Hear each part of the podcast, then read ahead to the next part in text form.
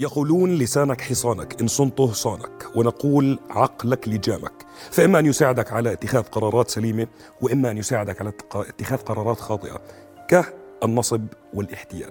ولكن ماذا لو كانت حالة النصب والاحتيال مدعومة من سفارة العدو؟ وماذا لو كان مبلغها أربعة مليون دينار أردني؟ النصب والاحتيال بين قوسين.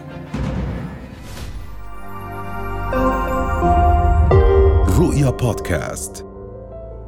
دكتور مساء الخير. مساء النور. حالة نصب غريبة جدا. 4 مليون دينار أردني. من شخص يدعي الجنسية الأمريكية انتهاء بمعرفة أنه مواطن إسرائيلي ومدعوم من سفارة العدو. إيش اللي صار؟ آه اولا أشكرك على الاستضافة. أهلا وسهلا. آه أنا مواطن أردني. آه قضيت ما يقارب ال 16 سنة من عمري متغرب. فقررت في ظل ظروف كورونا واللي بصير بالعالم إني أرجع أستقر في وطني وأستثمر في وطني.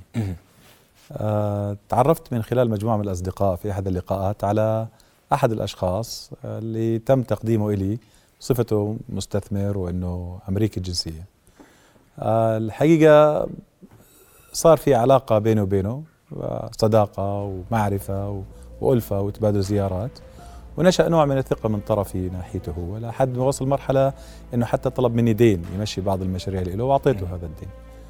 وبعديها بفترة هذا الرجل إجاني وحكى لي شو نعمل مشروع مع بعض مشروع مشترك.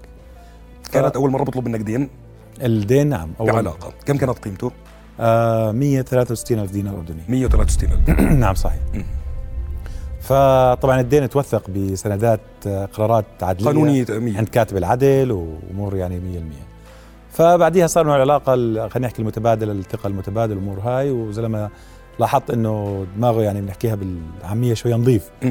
وأنا جاي أستثمر في وطني وبعمل فرص عمل اتفقنا نفتح مصنع المصنع هذا بيعمل ما يقارب من 100 فرصة عمل دائمة وظيفه دائمة وما لا يقل عن 500 فرصة عمل غير دائمة. لم تم فتح هذا المصنع وهي فرصة بهي الظروف يعني منها دعم للاستثمار ومنها برضه دكتور يعني يمكن قبل ما نبلش بعلاقة الشراكة اللي بلشت بينكم هل كان في هناك أي شيء بيوحي إنه في مثلا الزلمة غير مطمئن ماشي مخه نظيف بس هل هو بطمئنك كان إنه تدخل معاه بعلاقة بزنس؟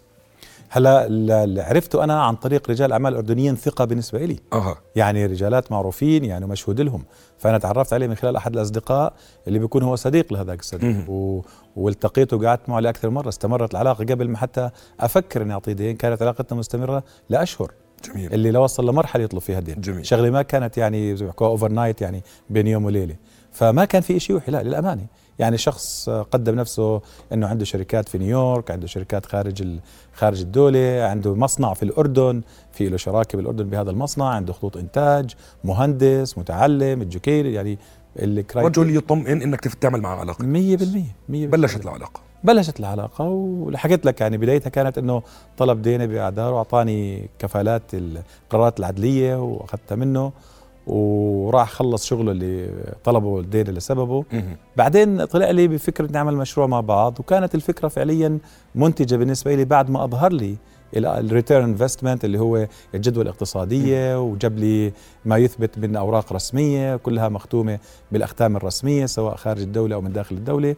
يعني وضعني بوضع فعلا مطمئن وبالكلام بتكلمه كان كلام مطمئن إنه بيفهم بشغله. فأخذت وقت إني أفكر بهذا الأمر وحكيت له أوكي إن شاء الله بفكر فيه. درست الموضوع وجدت انه الموضوع بيستاهل. لكن لما راجعت الجهات الرسمية سواء كان السفارة الأمريكية أو حتى عندنا الجهات المحلية. هو قدم نفسه لإلك كمواطن أمريكي يحمل جواز أمريكي. نعم صحيح. وكان السيارة اللي كان بتنقل فيها حتى في الأردن كانت سيارة نمرة أمريكية. يعني السيارة اللي كان يزورني فيها ويروح فيها نمرة أمريكية فكرة إنه هو عنده جنسية إسرائيلية أو غير أمريكية لم تطرح ولا كان عندك أي فكرة عنها؟ لأ- ف- ليش ليش لأن يعني ال- التقديم كان عند مجموعة من الأصدقاء أنا بعرف منهم ناس يعني ضد التطبيع كمان. تخيل لوين. فما راودتني لثواني فعليا بعدين طب نيجي للمشروع okay. بلش المشروع فعرض المشروع حط لي أفكاره راجعت سألت حاولت أروح على السفارة الأمريكية حتى أتأكد من من أوراقه من أموره. للأسف إنه بهذيك الفترة كانت كورونا في ال peak تبعها في عز ال- الأزمة. رفضوا إنه يستقبلوا أي استفسار حكوا إلا إذا كان urgent matters فالسفارة الأمريكية ما استقبلت رغم إنه وضعنا ال calls والامور هاي. حاولت أراجع بعض الجهات الحكومية بنفس الشيء عاملونا بإنه هاي كورونا والآن الأمور معطلة وما بنقدر. الآن صرت تحت أمر واقع هو بضغطني بحيث إنه ال business هذا تأخرنا عنه لأنه ال booming تبعه بكورونا أصلا. يعني الاستثمار هذا كورونا كانت رح تساهم بأنه هذا الاستثمار تمشي أموره يكبر يكبر فحكى لي شو ال- اللي عنده من ناحية assets فعرفت إنه عنده شركة بأمريكا جاب لي اوراقها بنيويورك مسجلة وموثقة وم- ومختوم عليها ختام الأردنية هون وورجاني أوراق مصنعه اللي قائم بالأردن كمان. في معه شريك فيها وحكى لي قيمته المجمل ما يقدر بحوالي 8 مليون دينار أردني. هو حكى بده يعني أفوت معه 50% بشركته الأمريكية و50% بالمصنع اللي راح يتم إنشاؤه جديدا اللي راح يكلف كله total 4 مليون. فطلب مني بداية على هذا الأساس إني أعطيه آه مبلغ من المال يعادل اردنيا مليون و650 ألف دينار أردني. هاي دفعة أولى للمشاريع. نعم. حتى أكون أنا حاصل على ال 50% آه، شراكة في هذه الشركات كلياتها. طبعا أخذت الأوراق اللي تثبت هاي الأمور كلها إنه هاي موجودات عنده فعليا سواء المصنع اللي بالأردن مقام حاليا هو كان شريك فيه سواء شركته الأمريكية والشركات الأخرى. وبنفس الوقت أخذت المدعمات بإنه هذا مشروع مجدي وبوفر فرص عمل سواء للأردنيين وبوفر مدخول كويس إلنا. فوافقته لكن أنا رفضت إني أعطيه المبلغ كاملا وأثرت إني أعطيه على دفعات. يعني قال بل يطمئن نفسي مش لشيء إن أعرف إنه أقل ما فيها إني بدي أوثق حتى المبالغ هاي. كيف توثقت المليون و100 ألف؟ و650 ألف. و650 ألف. توثقت بشيكات وبقرارات وتوثقت بتسجيلات. 100% قانونية. 100% ما في شيء فيها. ما بعد المبلغ الكبير اللي كان دفعة أولى عشان البزنس أو المشروع اللي بده يبلش فيه الدكتور بعديها انتقلنا لمرحلة ولكن شوي كانت بعيدة إنه لما هددك بالقتل وبعت لزوجتك. يا برجعوا قطعة أو قطع. نعم صحيح. كيف صارت هاي النقلة؟ الآن بعد ما أخذ دفعات ال- الشراكة المتفق عليها فدفعت له آخر دفعة اللي كانوا خمس دفعات. بعدها اختفى. اختفائه هذا يعني آه، أصبح عندي كأنه دهر. فقلقت جدا حاولت أتواصل معه على الأرقام اللي عندي حاولت إني أقدر أعرف من خلال الناس اللي عرفوني عليه. ما قدرت أوصل له. فجأة بيتصل معي من رقم تركي. كم المدة اللي اختفى فيها تقريبا قبل ما اتصل فيك؟ والله بالنسبة لي كانت كأنها دهر. قد تكون أسبوعين بس. يعني كان إحنا كنا بشكل يومي نتشاوف ونقعد مع بعض وكان المفروض نروح ناخذ نخلص على الأرض ونخلص على الهنجر تبع المصنع. يعني ما ما فيش أنتم صار في خطوات إيه، للمشروع already طبعا طبعا. اخذنا أرض وعملنا على الهنجر اشتغلنا ما فيش إنه شيء واقف. فاختفائه هذا كان بالنسبة لي أولها يعني ليش؟ فلما إجت المكالمة التليفونية من رقم تركي وبيحكي أنا فيليب وأنا خجلان أحكي معك. بقول ليش خجلان تحكي معي؟ فبحكي لي إنه المافيا الروسية وضعت إيدها على خطوط الإنتاج اللي إحنا دفعنا الفلوس عشان إيش؟ تيجي ونفتح فيها المصنع هون. فكرته يعني صراحة إنه يعني بحكم العلاقة وكذا صداقه إنه بمزح معي ولا بتخوت؟ بحكي له بتمزح معي. بحكي لي أنا ما بمزح معك. وبحكي لي إياها بلهجة صحيحة. قلت له طب ليش يعني اللي دافع المبلغ هذا كله؟ يعني وقفت على 50000 ما في روسيا هو كان طالب منك 50 ألف 50000 دولار مش إله. بيحكي ال 50000 دولار طالبتها المافيا الروسية حتى يطلقوا صراحة خطوط الإنتاج اللي كان بده يجيبها من روسيا. فحكيت طبعا كان عندي معلومات خطوط الإنتاج ومانيفست تبعها وكل هاي الأمور. موجودة. فحكيت له أنت بتحكي بكل عقلك؟ حكى لي آه هذا الأمر اللي, اللي تم حاليا وللأسف أنا الآن المبلغ اللي أنت دافعه كله مجمد ما بنقدر نسحبه وناخذ إنتاج غير لما تعطيني هذا المبلغ. ما بلش هنا هلا أنا أنا أنا أنا يعني صحيت من صدمتي بحكي له يعني طب خلص تعال خذ المبلغ على أساس نحكي فيها وطل... قال لي لا أنت بتيجي بتجيب المبلغ على تركيا قلت له كيف بدي أجي؟ أول شيء أنا ما بقدر أطلع تركيا معي خمسين ألف دولار. اثنين لو بدي أجي لعندك وأجيب ال ألف دولار بدي لا مش أقل من ثلاث أربع أيام بدي أفحص كورونا وبدي أعمل هيك. حكى لا مش مشكلة يعني. نقدر take care of this. وطلعت له على تركيا. وطلعت له على تركيا.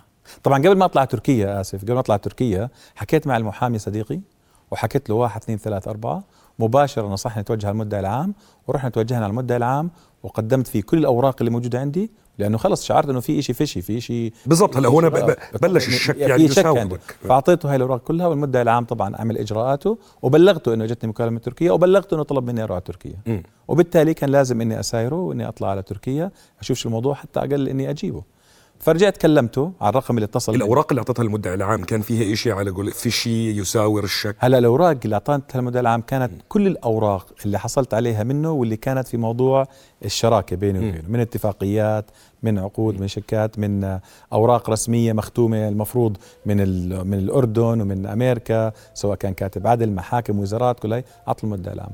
وحكيت معه وحكيت له okay أنا بجيك بس ما بقدر أجيب المبلغ.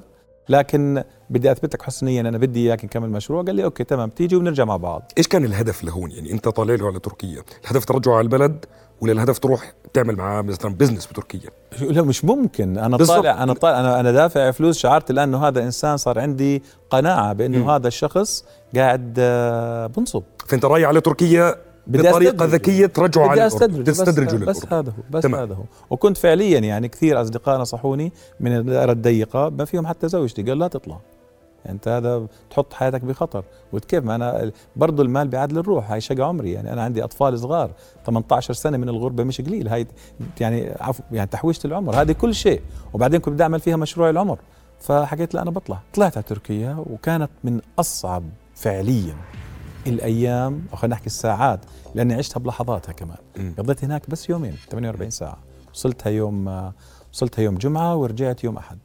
بس كانت من أصعب لحظات حياتي. تعرضت فيها لتهديد جسدي تعرضت فيها لتهديد لفظي تعرضت فيها لمضايقات لكن تمكنت الحمد لله إني أساير وأثبت له إني أنا ما زلت بدي المشروع وهي المبلغ موجود.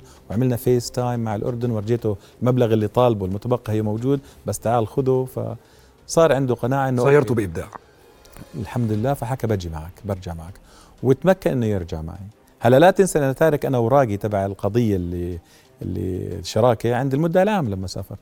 فلما رجعت على الأردن في المطار كان اللي ماخذ المطعوم لازم يروح من لين معين.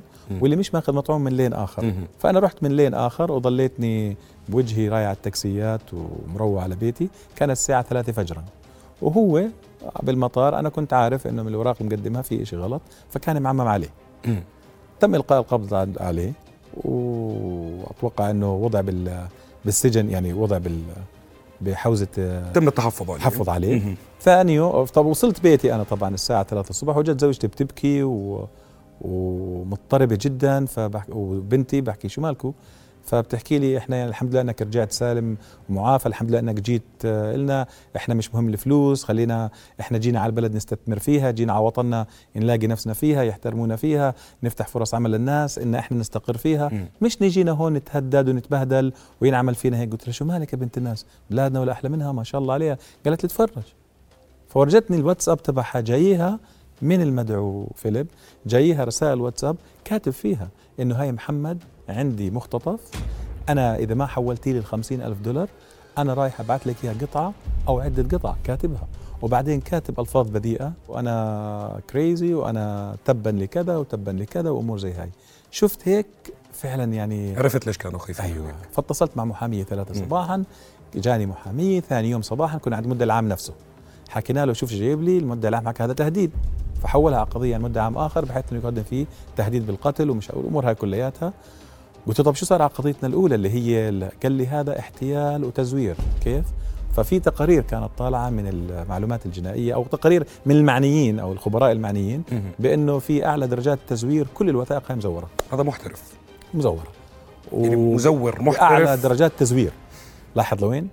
والمدعي العام في قضية التزوير والاحتيال هاي ارتأى إنه يوضع عليه كفالة عدلية بما يقدر مليون دولار. كفالة على المدعو فيليب.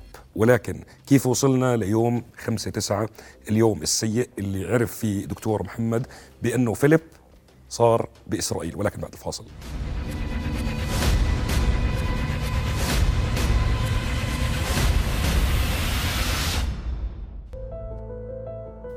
انضم لنا بالاستوديو العقيد المتقاعد دكتور رمزي ميت أهلا وسهلا أهلا فيك. فيك أكيد. طبعا بهمنا دكتور ناخذ وجهة النظر القانونية أو الأمنية في موضوع الدكتور محمد ولكن بدنا ننهي العلاقة الغريبة اللي نشأت.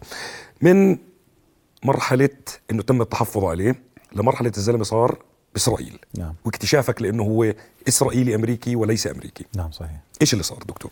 الآن في قضية آه، ما يسمى الآن بالتزوير والاحتيال اللي وضع عليه المدعي العام حطه بالسجن وحط عليه مليون دولار كفاله أتوقع إنه تم صار في نية أو فهمت من الإعلام الخارجي بالجرايد إنه بدهم يدفعوا الكفالة. مين هم؟ آه إسرائيل.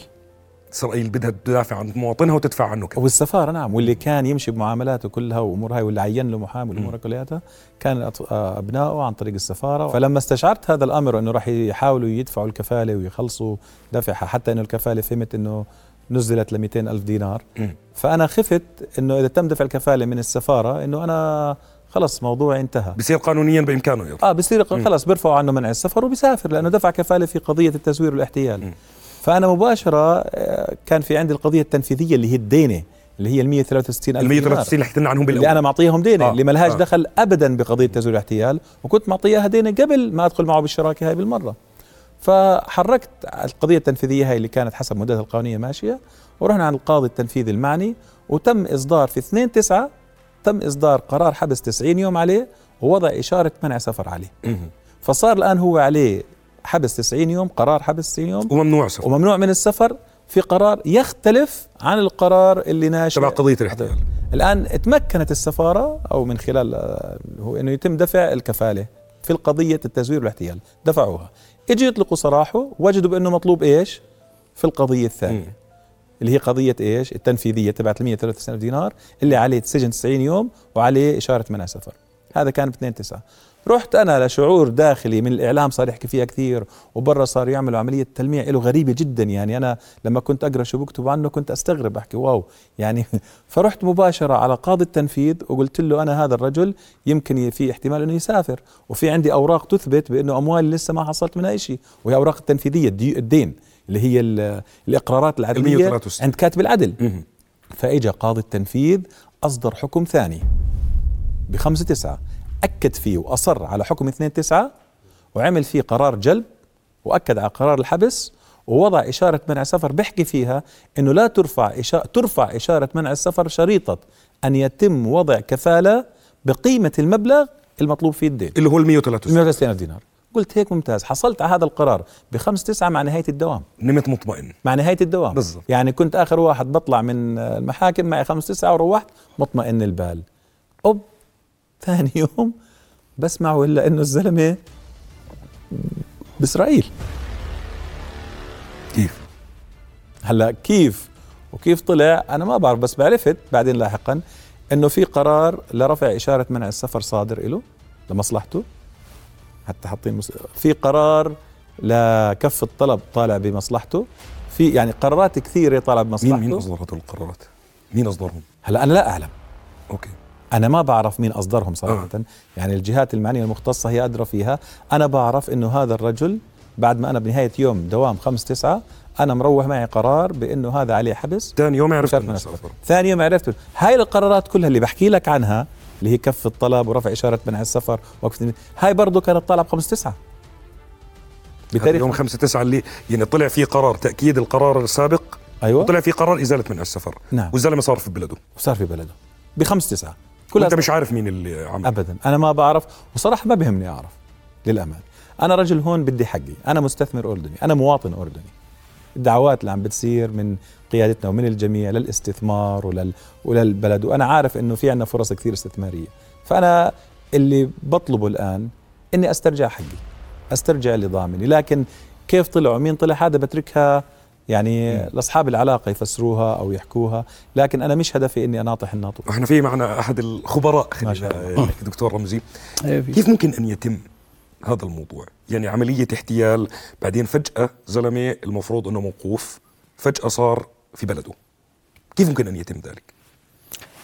هلا في البداية الله يسعد مساكم. يسعد مساك. يخليك. آه، في آليات للتعامل مع المواطنين. غير الأردنيين قانونيا في الأردن. وهي يعني آه، مقررة في القوانين والتشريعات الأردنية. آه، واضح جدا أنه كما تفضل ال- الدكتور بأنه يعني بدأ في هذه الإجراءات. وتسلسل فيها إلى أن وصل للنتيجة. الدكتور بالضبط كان يحكي لك أنا مش هممني إيش اللي صار. أنا بدي حقي بدي مصارية رجعوا لي مصارية. إيش ممكن نعطي نصيحة للدكتور؟ كيف ممكن الدكتور يسترجع حقه؟ ال- اللجوء لل- للقضاء دائما في له آليات لملاحقة الأشخاص غير الأردنيين إذا خ... إذا غادروا الأردن. عن طريق؟ عن طريق. الإنتربول وما إلى ذلك. في عن طريق إدارة الشرطة العربية والدولية في مديرية الأمن العام وما بننسى دور كمان آه، مديرية التعاون الدولي في وزارة العدل أيضا بتقوم في عملية يعني آه، تنسيق قانونية معتبرة على مستوى الدول بهذا الخصوص. دكتور بس هون اسمح لي أقاطعك. كيف ممكن هلا دكتور محمد يتساعد مع الشرطة الدولية أو العربية ويسترجع حقه. إيش يساوي؟ هلا في خصوصا إنه الرجل هذا زور أختام أردنية. تمام هلا فيما يتعلق بالتزوير الجنائي ال- ال- الشق اللي ذكره الدكتور فيما يتعلق بالتزوير الجنائي هاي جريمة جنائية. آه، منفصلة عن الاحتيال. والقضيتين هذول الجريمتين هذول من الجرائم التي يمكن ملاحقتها من خلال الانتربول من خلال حلو. الش- إدارة الشرطة تمام. العربية والدولية هل تقدمت بطلب من الانتربول طلعنا إحنا بالقرارات هاي الثابتة إنه الزلمة في البلد هاي بعدها صار في بلاده هناك تمام الآن لما راجعت بعدها طلبت إني أعمل إشارة حمراء وأصدرنا مم. انتربول إشارة حمراء لكن تفاجئنا بعدين إنه بيجينا شهادة وفاة إنه الرجل إنه الرجل متوفى. فهو لما طلع من عندي من هون ما طلع بس على قضية الاحتيال والتزوير. هي تم دفع كفالة فيها. تم دفع كفالة فيها. أنا بحكي عن قضية تنفيذية ال 163 ألف دينار اللي موضوع فيها منع سفر وموضوع فيها سجن وموضوع شرط فيها ترفع منع السفر بوجود كفالة. لا نوضع لي كفالة ولا نوضع لي أي شيء ولا حدا حكى معي. وهنا بصير نسأل دكتور رمزي. تفضل. زلمة زور أختام دولة. أكيد راح يزور يا أيوة صحيح. كيف بده يلاحقه هلا الدكتور؟ هلا إذا صادر في تعرف يعني الوفاة هو سبب من أسباب سقوط ال- ال- الدعوة مش بس في القانون الأردني هو سبب لسقوط الدعوة في كل العالم يعني. ما ما, ما بتقدر قانونيا تلاحق شخص توفاه الله لكن طالما إنه صادر في نشر حملة ووارد من الكيان الصهيوني بإنه شخص متوفى آه، ممكن اللجوء للولايات المتحدة الأمريكية لأنه اللي فهمته أنا من كلام الدكتور بإنه يحمل جنسيتين يحمل جنسيتين. يحمل الجنسية الصهيونية ويحمل الجنسية الأمريكية. آه، دكتور رمزي كل الشكر. يعطيك ألف عافية. شكرا جزيلا. آه، دكتور محمد كل الشكر. وسؤال بديهي في النهاية. نعيد المطلب. شو مطلبك؟ أنا صراحة مطلبي ذو قسمين. القسم الأول أنا ب- يعني بوجه رسالة لكل إنسان مقبل على استثمار إنه يعمل شوية هوم ورك يبحث بهذا الشخص يعرف من هذا الإنسان. ال- آه، المطلب الثاني إني أنا بدي إياه آه، إني أحصل حقي وإنه الناس تتقي الله بأموال الناس. يعني هذه حقوق بشر. اتقوا الله فيها. لا لا. الخلل يوجد في أي مكان في العالم في أي مستويات في العالم. لكن الحق دائما مصيره إنه يبان والحق دائما مصيره إنه يرجع لأصحابه. وبس. من الكثير من علامات الاستفهام له مطلب وحيد هو بس رجوع الحق لأصحابه. كان موضوعنا لليوم النصب والاحتيال في بين قوسين. شوفنا الأسبوع الجاي. رؤيا بودكاست.